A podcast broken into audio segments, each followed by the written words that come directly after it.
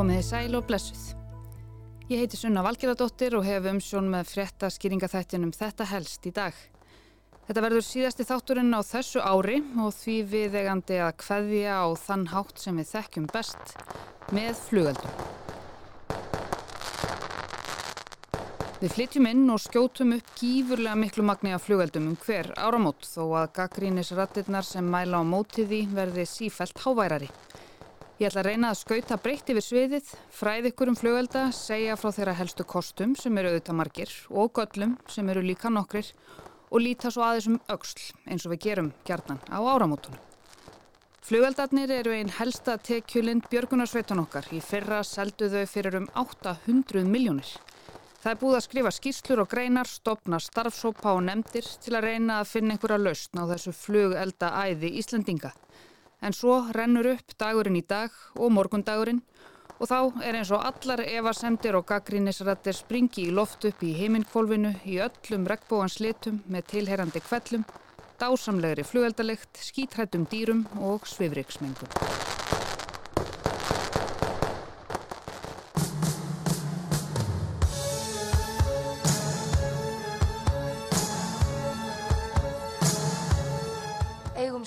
Skemmtileg áramót með börnunum okkar. Kaupum góðu og ódýru flugveldina til styrtar umhyggju og stöðum unglingadrykju. Sýnum aðgátt og hlúum að börnunum okkar. Gleðilegt ár og kærar þakkir fyrir stöðningin. Umhyggja og stöðum unglingadrykju. Í 35 ár hafa landsmenn keift flugvelda hjá björgunarsveitunum og stutt þrótt mikið starfðeira. Tekjur af flugveldasölu hafa staðið undir þjálfun sjálfbúðaliða og kaupum á búnaði og tækjum til björgunastarfa um land allt. Björgunarsveitirnar eru ávalt til taks með vel þjálfað fólk til að fást við óblíði náttúruöfn í þína þáu. Trítill, tralli, tróðni og trösti. Flugveldamarkaðir björgunarsveitana. Við kynnum þetta árið nýjar samsettar fljóaldarsýningar sem munu gera nágranna þína græna af öfund. Njóttu sýningarinnar og fagnaðu nýja árið með stæl. Vaglegur kaupauki fylgir öllum samsettum fljóaldarsýningum þegar vestlarinn á stjörnuljós.is. Og nú færðu kaupæti með hverjum fjölskyldupakka, fullan bónuskassa af flugveldum. Flugveldamarkaður landsbjörgar. Eigum ánægileg áramót með börnunum okkar og styrkjum vímuvarnir í þáu þeirra um leið. Björgum buttunni og verslum við ungtemplara, öruglega ódýrustu flugveldarnir. Já, samkeppnin á flugveldamarkaðnum hefur lengi verið til staðar eins og þið heyrið. Þó að björgunarsveitirnar hafi verið þar í yfirburða stöðu eðlilega eins og ég kom inn á í inganginum. Flugveldarsala dekkar um 70% af hildar fjármagnisveitana hvert ár og það virðist ekki vera nægur vilja hjá stjórnvöldum til þess að koma til móts við það. Þetta er svo litið eins og þarna með Rauðakrossin, S.A.A. og spilakassana. En flugveldarsalan hún hófst hér á meðvíkudag og þá var Haukur Holm með þessa frétt. Íslendingar þykja stórtæki þegar kemur á skoteldum um áramót, stærsti seljandin er Sliðsáðnafélagi Landsbjörg en að sögn Gíslaði Stráinssonar sem sæti á í flugeldanemt félagsins voru fluttir inn um 20 gámar af flugeldum fyrir þessi áramót. Salan er, hefur verið svona, svona svipuð síðustu árin, finnum svo sem ekki fyrir einhverjum, einhverjum svaka samdrætti. Segir Gísli, hann hvetur fólk til að nota aðeins gamlástað til að skjóta upp flugeldum en ekki dagana þanga til. Það dræjur mengun og valdi minni trublun en langvarandi skotrið hjálpi ekki málstað björg björgunarsveitana. Umhverjustofnun vekur á heimasíðu sinni aðtikla á að svifrikið sem flugvelda valda hafi margvíslega áhrif á hilsumanna og að áhrifin verði enn meiri ef veður er stilt. Umhverjusmálinn. Eins og haukur benti þarna á hefur umhverjustofnun sérstaklega gaggrínt flugveldaskotrið Íslandinga vegna áhrifa á loftgæði og þar með viðkvæma hópa.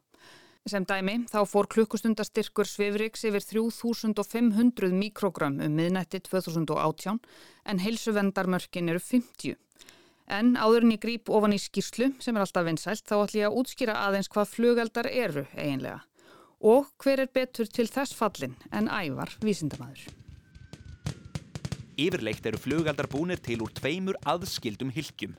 Annað er fyllt með grófu púðuri sem notað er til að skjóta flugeldinum upp í loftið en í hinu er fíngert púður sem veldur sprengingu eftir að flugeldurinn er komin á loft.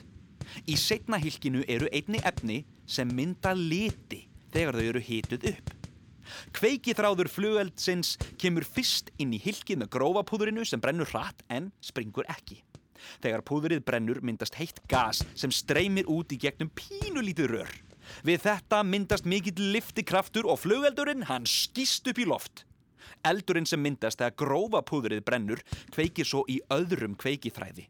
Hann logar einst lengi og það tekur flugeldin að ná réttri hæð. Litadýrð flugelda fæst með því að setja ímiskonar málmflögur í púðrið. Takk fyrir þetta, Ævar Þór Benediktsson, vísindamadur. En nú er það skýrslan. Skoteldar eru tengdir áramótarskemtun Íslandinga og mörgum finnst þeir bæði fallegir og ómissandi á gamláskvöld og nýjársnótt. Svo hefð það hveði að gamla árið og fagnaði í nýja með skoteldum er um 60 ára gömul hér á landi en Íslandingar kaupa skotelda vegna skemtanagildist þeirra og flestir til að styrkja björgunarsveitir. Svona hefst niðurstöðukabli í skýrslu starfshóps stjórnvalda í mars 2020 um hvernig við eigum að draga úr flugeldamengun. Í hópnum voru formaðurinn Sigur Björg Sæmundsdóttir, Jón Gunnarsson, þá alþingismadur en nú dómsmálaráðra og Þórólfur Guðnarsson sem þá var sótvarnalæknir. Þetta þrýjeki var sammála um að svo mengun sem verður oft um áramót að völdum skotelda hafi óæskileg áhrif á helsu margra. Augljósustu helsufarsvandamálin eru bráð áhrif á öndunar, hjarta og æðakerfi en sótvarnalegnir hafi líka áhyggjur af langvarandi helsufarsvandamálum sem eru ekki eins augljós eins og til dæmis þroska vandamálum barna og krabbamein. Aðrar slæmar afleðingar skotelda um áramót eru áhrif á líðan dýra sem verða oft mjög hrætt og herstar geta fælst með tilheyrandi slisahættu. Óæskileg áhrif á náttúru og umhverfi eru talin lítill. Í skýslunni segir að um 600 tonn af flugöldum séu flutt inn til Íslands á hverju ári og eru björgunarsveitirnar með um 70% af sölunni. Þórólfur sem þarna var sótvarnalæknir komst að því að marktæk aukning er á ávísunum öndunarfæralefja um áramót sem sínir að viðkvæmir einstaklingar byrja sig upp af öndunarfæralefjum vegna fyrirsjáanlegar loftmengunar. Meðal þeirra úrbóta sem hópurinn laði til er að þrengja tímamörkun um nótkunn flugelda, fækka söludögum, auka eftirlit, beita sektum og svo skipun annars starfshóps til þess að fjalla um fjármögnun björgunarsveitana. Og nú er bara að sjá hvort þáverandi þingmaðurinn Jón Gunnarsson sem var í hópnum geri eitthvað í málinu nú þegar hann er orðin dómsmólar á þeirra. En tímin er naumur hjá Jóni því samkvæmt plani þá verður hann ekki mikið lengur í þeim stóli. Það stendur til að uh, Guðrún Hafstindóttir uh, kom inn. En er hún að fara í dómsmálurraðaniti? Já, að, það er það sem að stendur til. En varðandi löggjöfina, þá sínist mér í fljótu bræði Ísland vera frekar afslappað með að við önnur lönd hvað var þar kaup almennings á flugveldum. I know that you have bombs in, in there on 4th of July, but it, it is only, you know, small, little bombs. But here we have, we have those big, you know, bombs. Boof. Hér er í gildi reglugjörðum skotelda og þar segir meðal annars að þeir þurfi allir að vera alþjóðlega staðlaðir og viðurkendir en þó hafa ólöglegir flugeldar komist í umferð hér. Láreglan let stöðva sölu á flugeldum fyrir áramóti 1994 sem voru stór hættulegir þegar áttu það til að springa í höfuðhæð. Það er búið að selja svo lítið að þessu og við viljum hvetja fólk til að skila þessu inn á þann stað sem það fjekk þetta á og þeir eru tilbúin til að láta það hafa annað í staðin. Þetta viljast vera eina tegundin á markanum. Það er að vísu önnur til með álpapír. Það er ekkert komið í ljósi sambandi við hann og hún verðist ekki hafa þessa hætti fyrir mig. Flugveldar hér eru í fjórum flokkum.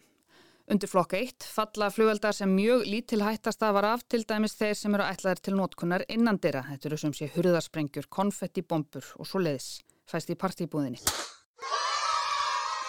Svo fer þetta stigvaksandi og undir fjörðaflokkin falla flugveldar sem eru mjög hættulegir og eru aðeins ætlaðir þeim sem hafa sérfræði þekkingu. Þannig flugveldar mega alls ekki falla í rángar hendur en það gerðist einmitt líka 1994. Það hefur verið brjálað að gera í flugelda undir heimunum það ár greinilega. Meðal þess sem stólið var, var mjög öflugt sprengiefni.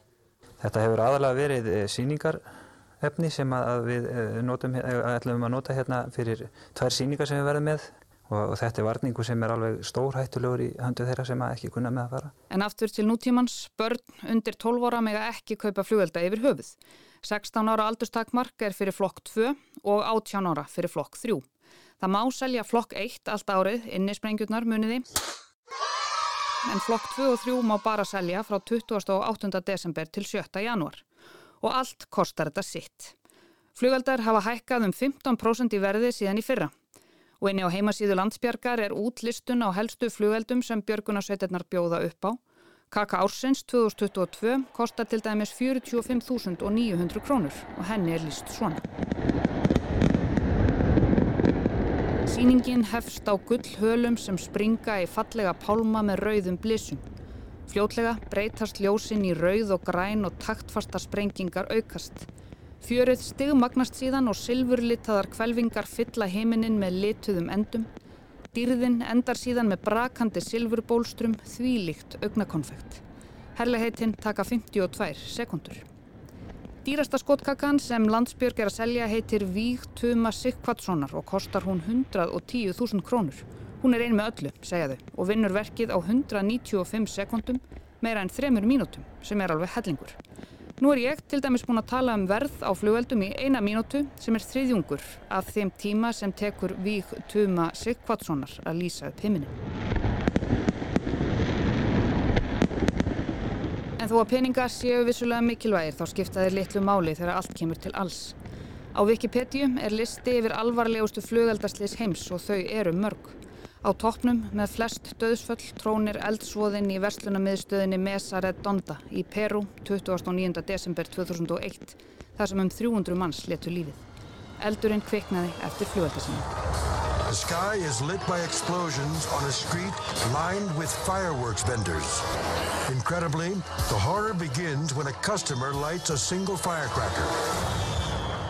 Um 250 létu lífið mest ungt fólk í eldsvoða í Kiss næturklúpnum í Brasilíu í janúar 2013 sem kviknaði sömu leiðis út frá flugeldum. Þetta er næst mannskeiðasta slis í sögu Brasilíu. Reports unconfirmed have suggested that someone on stage may have lit a flare or firework. Um 30 flugeldaversmiður hafa sprungið í loft upp í gegnum tíðina með miklu manntjóni. Það alvarlegasta varði Hunan í Kína 1996 þar sem 130 dói en verksmiðan var ólögleg. En þetta gerist líka nær okkur. Í november 2004 sprakk flugeldaverksmiðja nálagt Kolling í Danmörku. Einn slökkulismadur let lífið og 24 slösuðust en um 200 hús sprungu hreinlega í loftu. Klokken 17.45 sker det.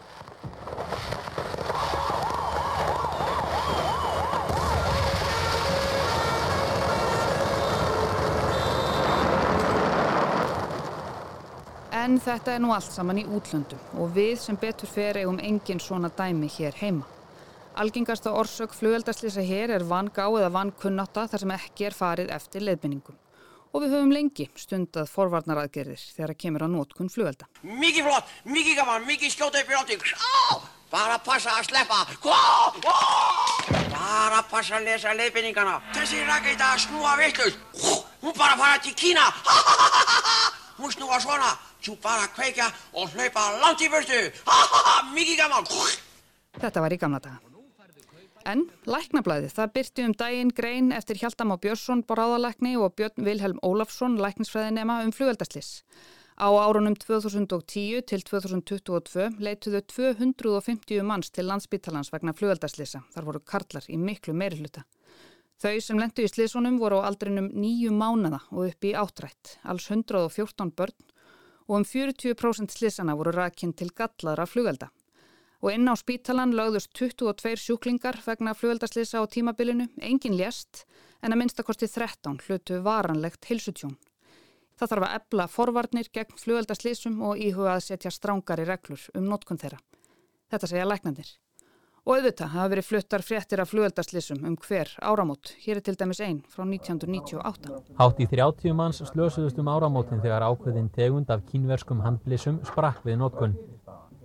Þessi maður slasaðist til dæmis alvarlega á hendi. Hann greip fyrir andlit sonar síns rétt áður en blís sprakk í höndum sonarins og fullvíst er talið að barnið hefði getað slasast lífshættulega. Þegar flugöldum er skotuð upp gefa þeir frá sér hita á bylinu 800 til 1200 gráður. Það er bannað að vera með flugölda á brennu, áfengi og flugöldar fara ekki saman, flugölda á að geima á þurrum stað þar sem börn á ekki til og það er ekki mælt með að geima það á milli ára. Aldrei geima flugölda í vasa, ekki einu sinni elspítunar. Og ef flugöldur springur ekki, skal ekki nálgast hann í nokkrar mínútur, ekki reyna að kveikja aftur í honum, heldur hellið yfir hann vatni. Það var svona smá forvarnar fræðsla. Ég heiti Dorit, ég nota alltaf flugölda glerauga. Þessi gleru, nýju gleru eru frábær. Ég hef notað flugöldagleru síðan kínverðarnir fundu upp púðrið. Fækkum aukslýsum og notum alltaf flugöldagleru. Gleðilegt ár! Og svo eru það eftirmálinn, dagurinn eftir partíið.